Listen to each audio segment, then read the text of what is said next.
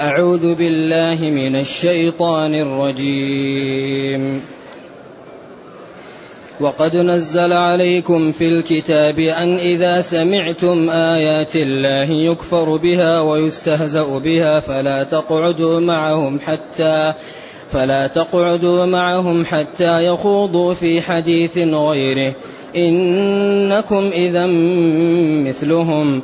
إن الله جامع المنافقين والكافرين في جهنم جميعا. الذين يتربصون بكم فإن كان لكم فتح من الله قالوا ألم نكن معكم وإن كان للكافرين نصيب.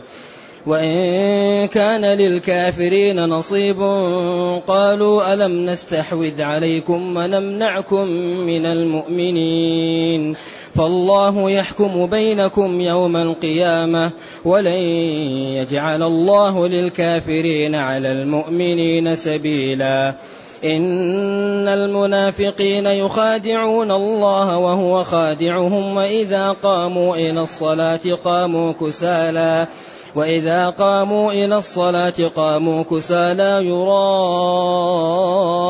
الناس ولا يذكرون الله إلا قليلا.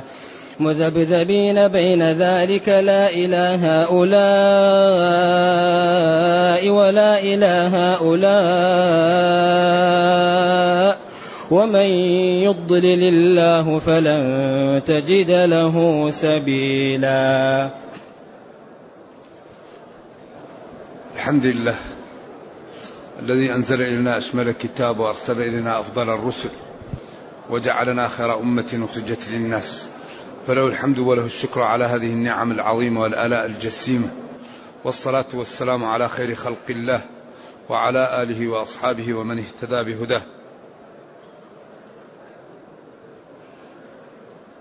أما بعد فإن الله تعالى يبين في هذه الآيات أوصاف المنافقين وما لا يجب على المسلم إذا سمع الاستهزاء بآيات الله وبشرعه.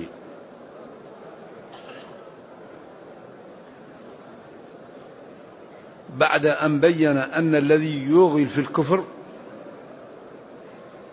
أنه على خطر لأن الذي يكفر ويؤمن ويكفر ويؤمن هذا إنسان يعني على خطر.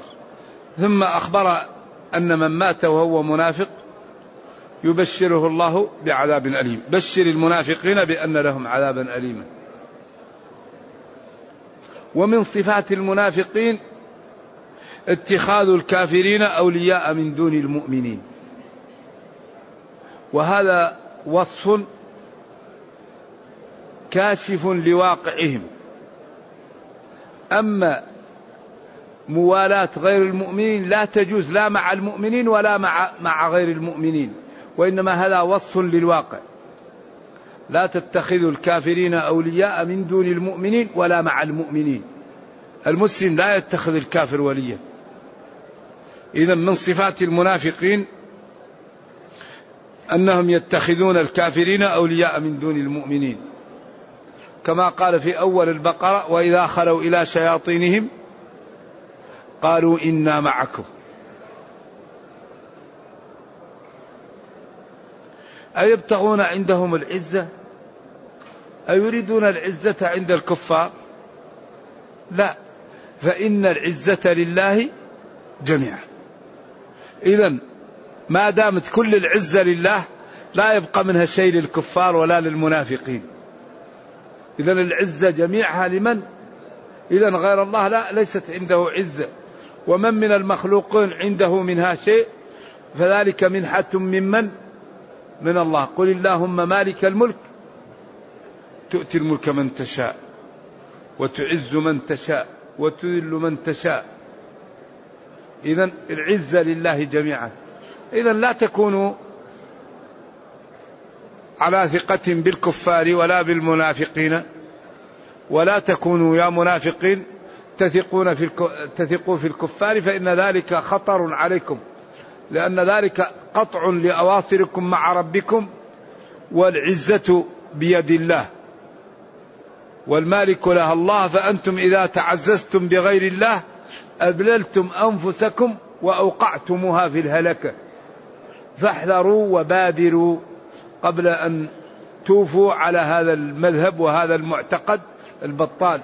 فإن من مات عليه انتهى منه العمل. شقي شقاء لا وراء وراءه. لا يوجد شقاء أكبر من أن يموت الإنسان على غير الإسلام. لا يوجد. ولا يوجد فوز أعظم من أن الله تعالى يحمي العبد من النار ويدخله الجنة. فمن زحزح عن النار وأدخل الجنة فقد فاز. بعدين وما الحياة الدنيا؟ إلا متاع الغرور. الحياة تغر الإنسان. بكرة وبكرة وبعد بكرة. بعدين فإذا هو خلاص انتهى العمر. يقول آه ليتني ليتني ليتني. ليتك ليتك. ولذلك الله يقول أولم يعمركم ما يتذكر فيه من تذكر؟ وجاءكم النذير. على أصح التفاسير النذير هو الرسول صلى الله عليه وسلم. جاءكم الرسول وبين لكم وضح لكم الكتاب وبين لكم الواجب وأمركم باتباعه وبين لكم الحرام وحذركم من سلوكه. بعدين وقد نزل عليكم نزل عليكم مبني للمعلوم والمجهول. أيها الناس في الكتاب في القرآن أن إذا سمعتم آيات الله يكفر بها ويستهزأ بها فلا تقعدوا معهم. هذا أيضا إحالة ثانية. لأنه احال لأول النساء وهنا حال لأول الأنعام. وإذا رأيت الذين يخوضون في آياتنا فأعرض عنهم حتى يخوضوا في حديث غيره. وإما ينسينك الشيطان فلا تقعد بعد الذكرى مع القوم الظالمين. إذا المسلم ينبغي أن يحذر مجالس الفجور. ومجالس الضلال ومجالس الغيبة ومجالس البدع ومجالس الغفلة. المسلم ينبغي أن يحذر لأن الإنسان إذا جلس مع الناس أصبح منهم والقرين بالمقارن يقتدي. ولذلك يقول وقد نزل عليكم الله في الكتاب في القرآن بأن أو أن إذا سمعتم آيات الله القرآن والرسول صلى الله عليه وسلم يكفر بها ويستهزأ بها يكفر بها يكذب هذا ما هو كلام الله. أساطير الأولين اكتتبها.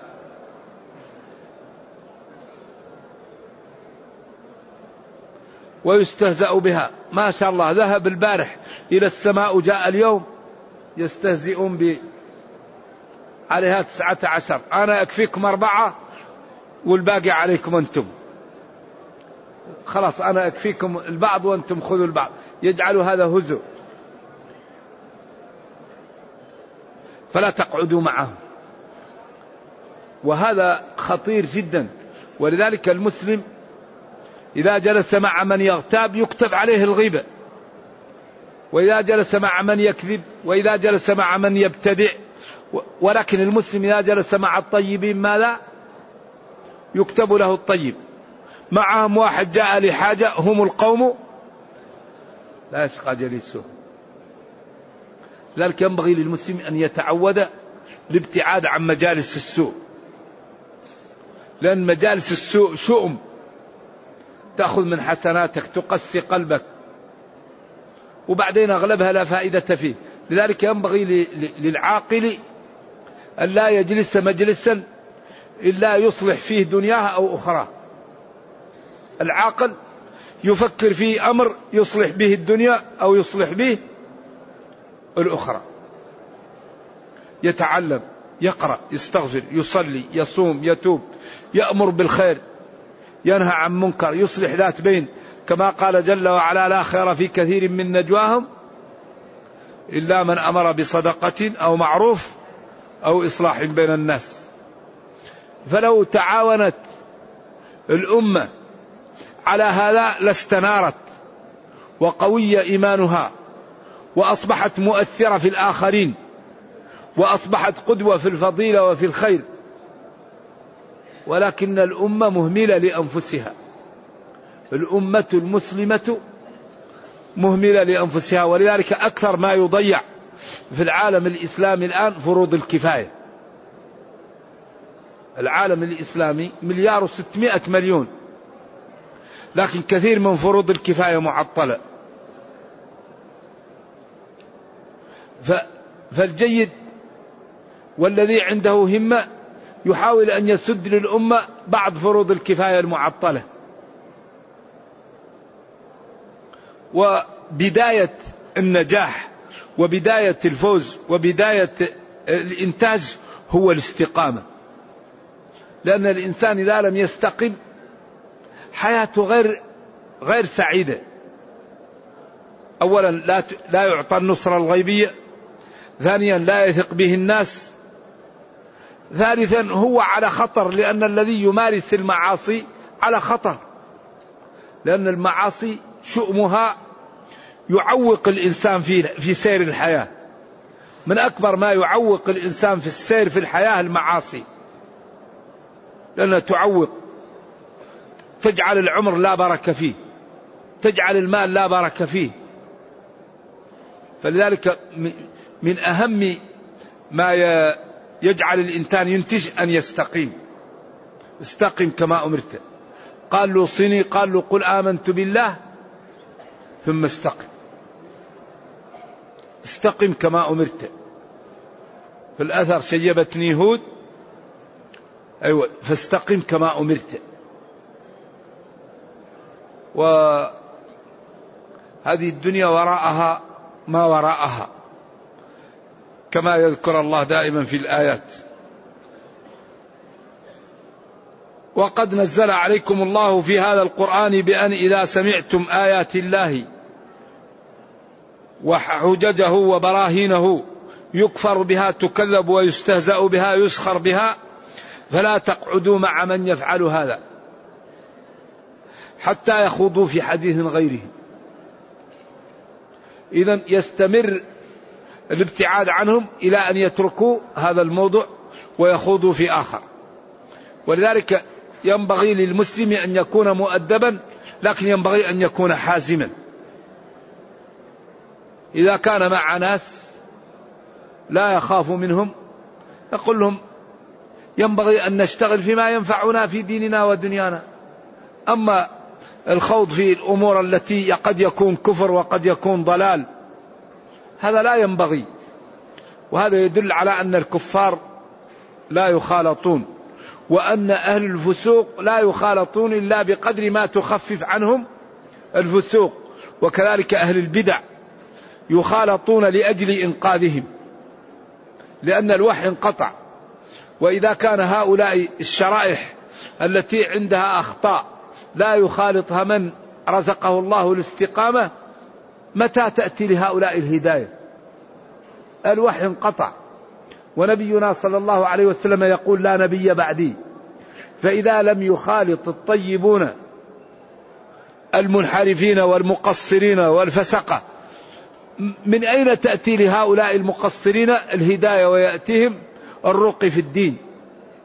إذا ينبغي أن يفرق بين من يخالط هؤلاء للسماع وللهو وللتشهي ومن يخالط هؤلاء لينقذهم مما هم فيه من الورطة ومن الضلال ومن الضياع.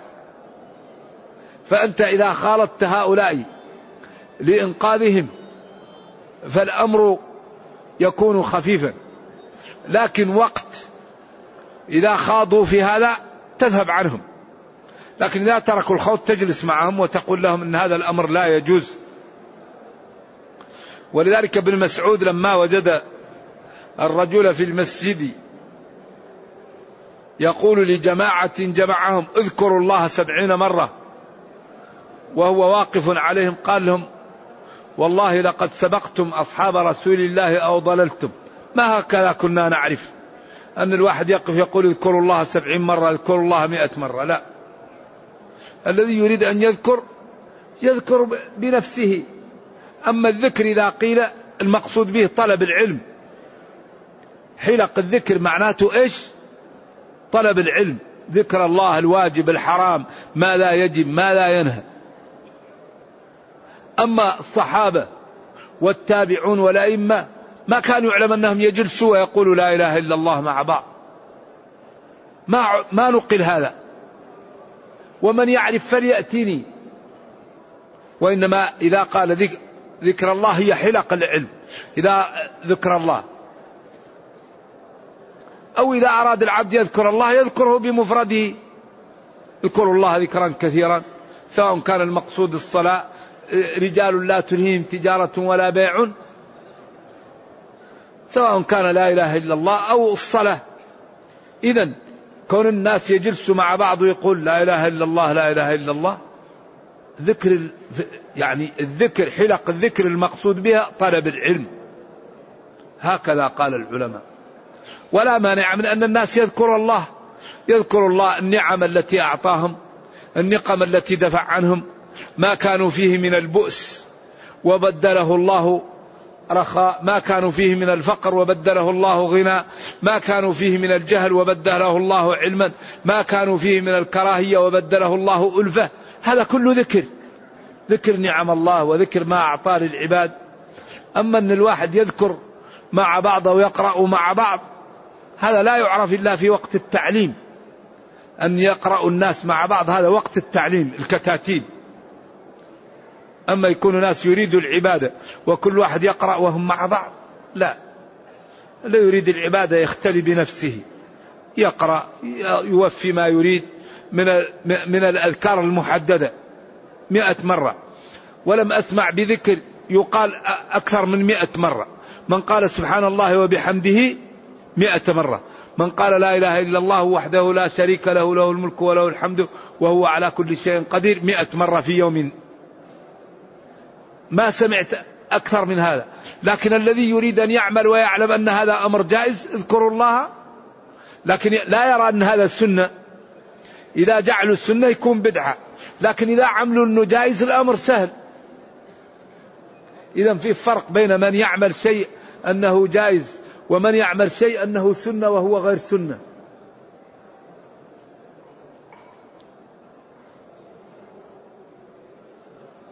حتى يخوضوا في حديث غيره. حتى يتركوا الاستهزاء والتكذيب بآيات الله. يتكلموا في حديث غيره. إنكم. إذا إن جلستم معهم بعد التأمل وبعد أن علمتم خطورة الأمر مثلهم. إنكم إذا أي إن قمتم بذلك وجلستم بعد البيان والفهم وبعد ذهاب النسيان مثلهم في الإثم وفي المعصية. إن الله جل وعلا جامع المنافقين والكافرين في جهنم جميعا. إن الله لا غيره. جامع. الكافرين والمنافقين في جهنم جميعا. قدم المنافقين لأنهم أخطروا. ولذلك هذا من العيب للمنافقين لأنهم استفادوا من الإسلام وهم غير صادقين. ذلك قال تعالى في الآية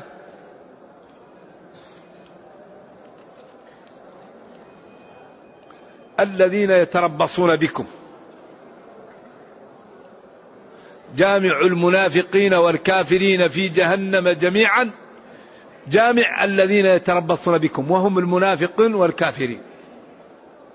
ولما كان المنافقون استفادوا من الإسلام وهم كذب جعلهم الله في أنزل درك من دركات النار.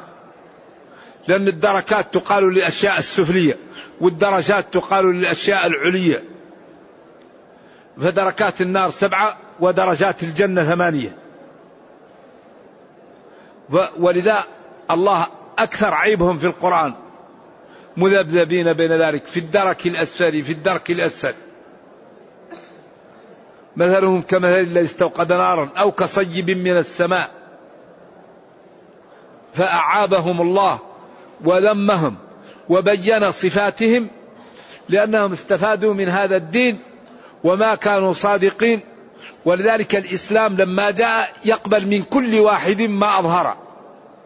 لأن القلوب وما فيها أمر خفي ولا يطلع عليه إلا الله فأناطت الشريعة الأحكام بما يظهر. ولما أظهروا الإسلام وأعلنوا الشهادتين قبل الله منهم ذلك ولكنه أخبر نبيه عن سرائرهم وكان يخبر حذيفة بن اليمان بهم. وقال كان الناس يسألون رسول الله صلى الله عليه وسلم عن الخير وكنت أسأله عن الشر مخافة أن يدركني.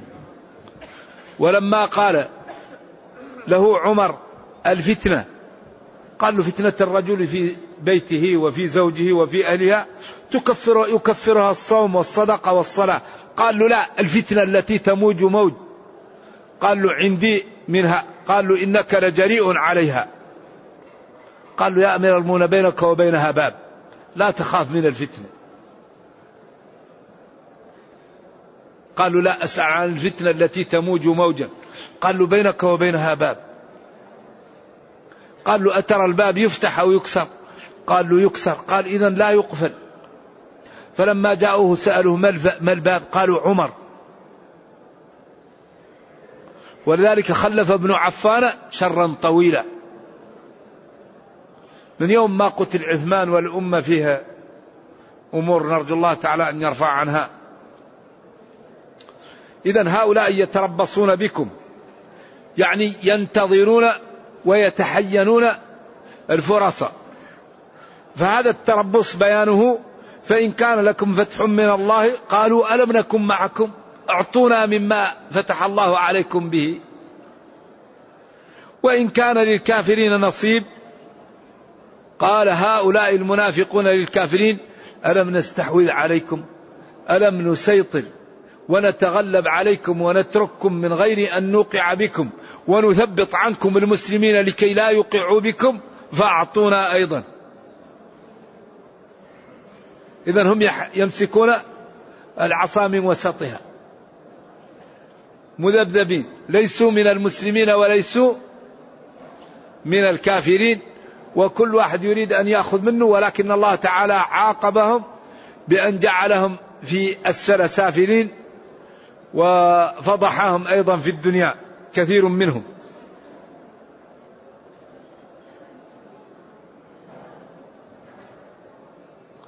فالله يحكم بينكم يوم القيامة. فالله جل وعلا لا غيره يحكم يقضي بينكم وبين هؤلاء. يقضي بين خلقه من الكافرين والمنافقين ومن المسلمين حتى الشاة الجلحاء يقضى منها للقرناء.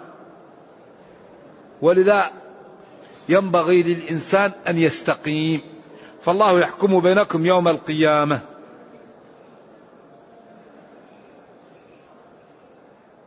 كل واحد يعطيه حقه. كل واحد عليه نصيب لواحد يعطيه. ولن يجعل الله للكافرين على المؤمنين سبيلا. هذه الآية فيها إشكال. ولذلك قال بعض العلماء المقصود يوم القيامة.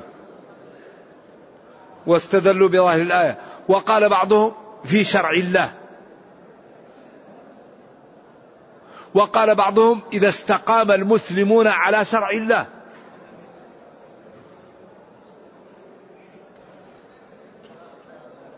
إذا ولن يجعل الله للكافرين على المؤمنين سبيلا يوم القيامة لأن المؤمنين في الجنة والكفار في جهنم. أو لن يجعل الله للكافرين على المؤمنين سبيلا لأن الإسلام يظهر جمال الإسلام ويظهر دناءة الكفر فإذا قاموا ليعرض كل واحد ما عنده الإسلام يعلو ولا يعلى عليه. أو إذا استقام المسلمون على الإسلام ربنا ينصرهم. ولن يجعل الله للكافرين على المؤمنين الذين التزموا الأوامر واجتنبوا النواهي وأخذوا بكامل الدين سبيلا لأن الله قال إن تنصروا الله ينصركم. ولذلك لم يقع للمسلمين هزيمة ولا مشكلة إلا كان ذلك ناشئا عن مخالفة شرعية. قل هو من عندي أنفسكم. ظهر الفساد في البر والبحر بما كسبت أيدي الناس. إن الله لا يغير ما بقوم حتى يغيروا ما بأنفسهم. إذا إذا استقام المسلمون على شرع الله وعملوا بما أمرهم الله به لا بد أن ينصروا. لا بد. ولا ينصرن الله من ينصره. إن الله لا يخلف الميعاد. إذا المشكلة أن المسلمين لم ينهجوا ولم يسيروا على الطريقة المرسومة لهم. هذا الذي سبب للأمة تسلط الأعداء. فإذا قام المسلمون وسلكوا الطرق المرسومة لهم للعزة وللقوة الله تعالى ينصرهم. الله تعالى يدمر أعداءهم. الله تعالى يخذل من يريد أن يوقع بالمسلمين. لكن إذا كان المسلمون لا يقومون بما أمروا به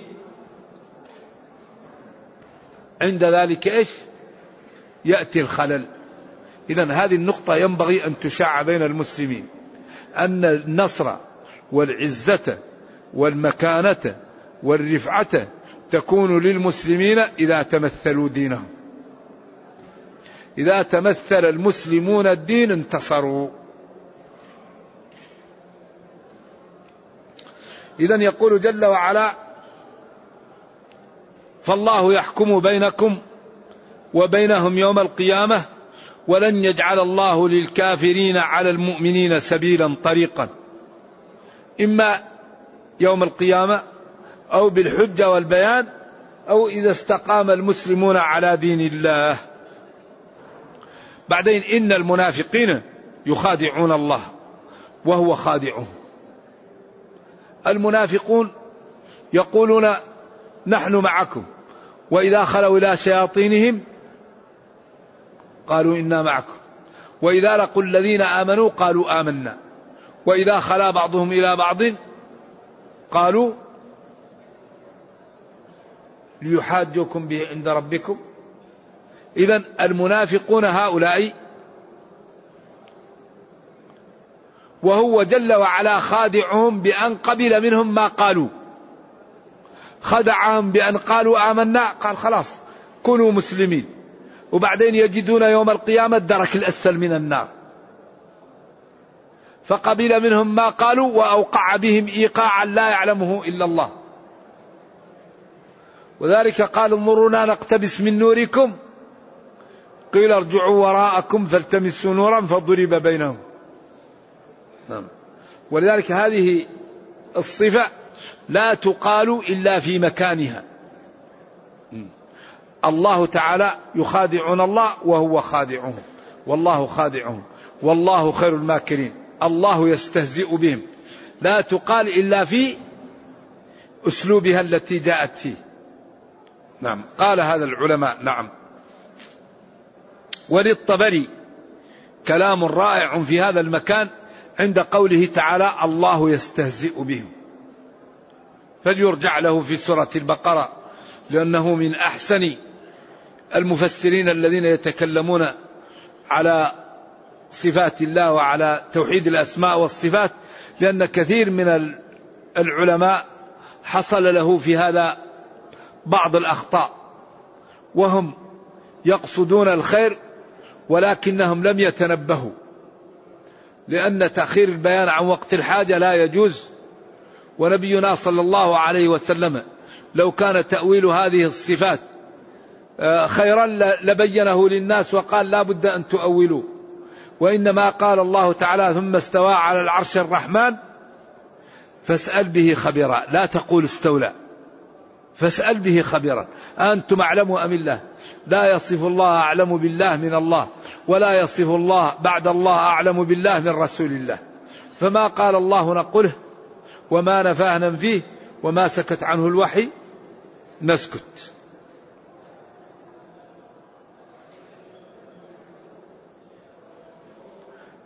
ومن صفات هؤلاء المنافقين أنهم إذا قاموا إلى الصلاة قاموا كسالى. ولذلك قال جل وعلا وإنها أي الصلاة لكبيرة إلا على الخاشعين مؤكدان إن واللام.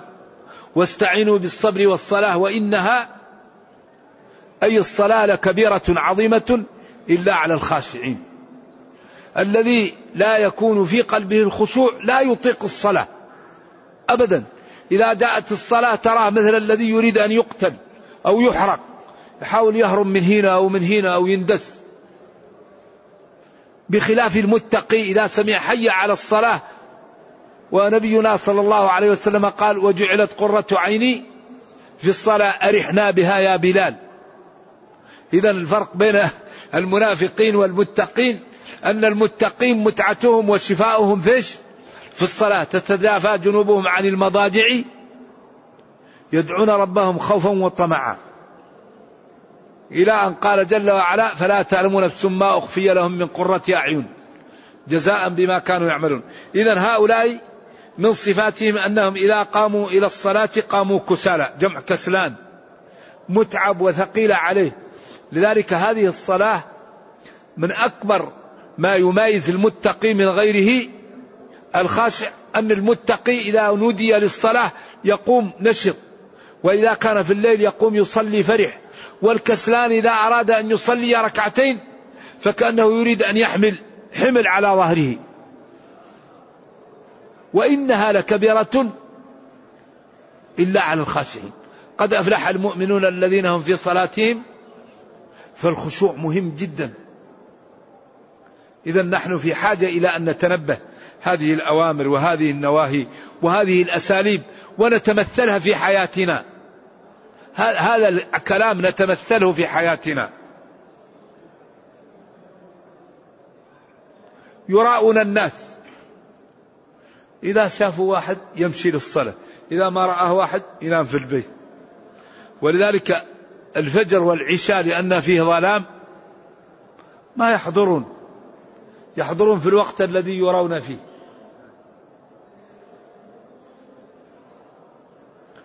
وتعرفهم بسيماهم كلامهم غير جيد.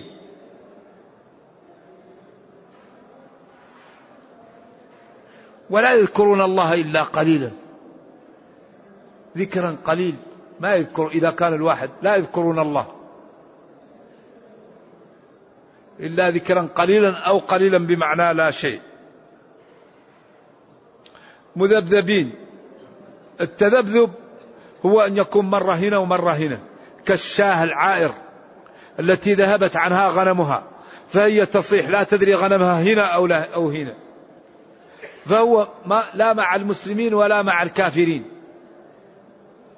ومن يضلل الله فلن تجد له سبيلا. من الله تعالى يكتبه ضالا ويقدر عليه الضلال فلن تجد له طريقا للهداية. نرجو الله جل وعلا السلام والعافية وأن يرينا الحق حقا ويرزقنا اتباعه وأن يرينا الباطل باطلا ويرزقنا اجتنابه وأن لا يجعل الأمر ملتبسا علينا فنضل. ربنا أتنا في الدنيا حسنة وفي الآخرة حسنة وقنا عذاب النار. سبحان ربك رب العزة عما يصفون وسلام على المرسلين والحمد لله رب العالمين.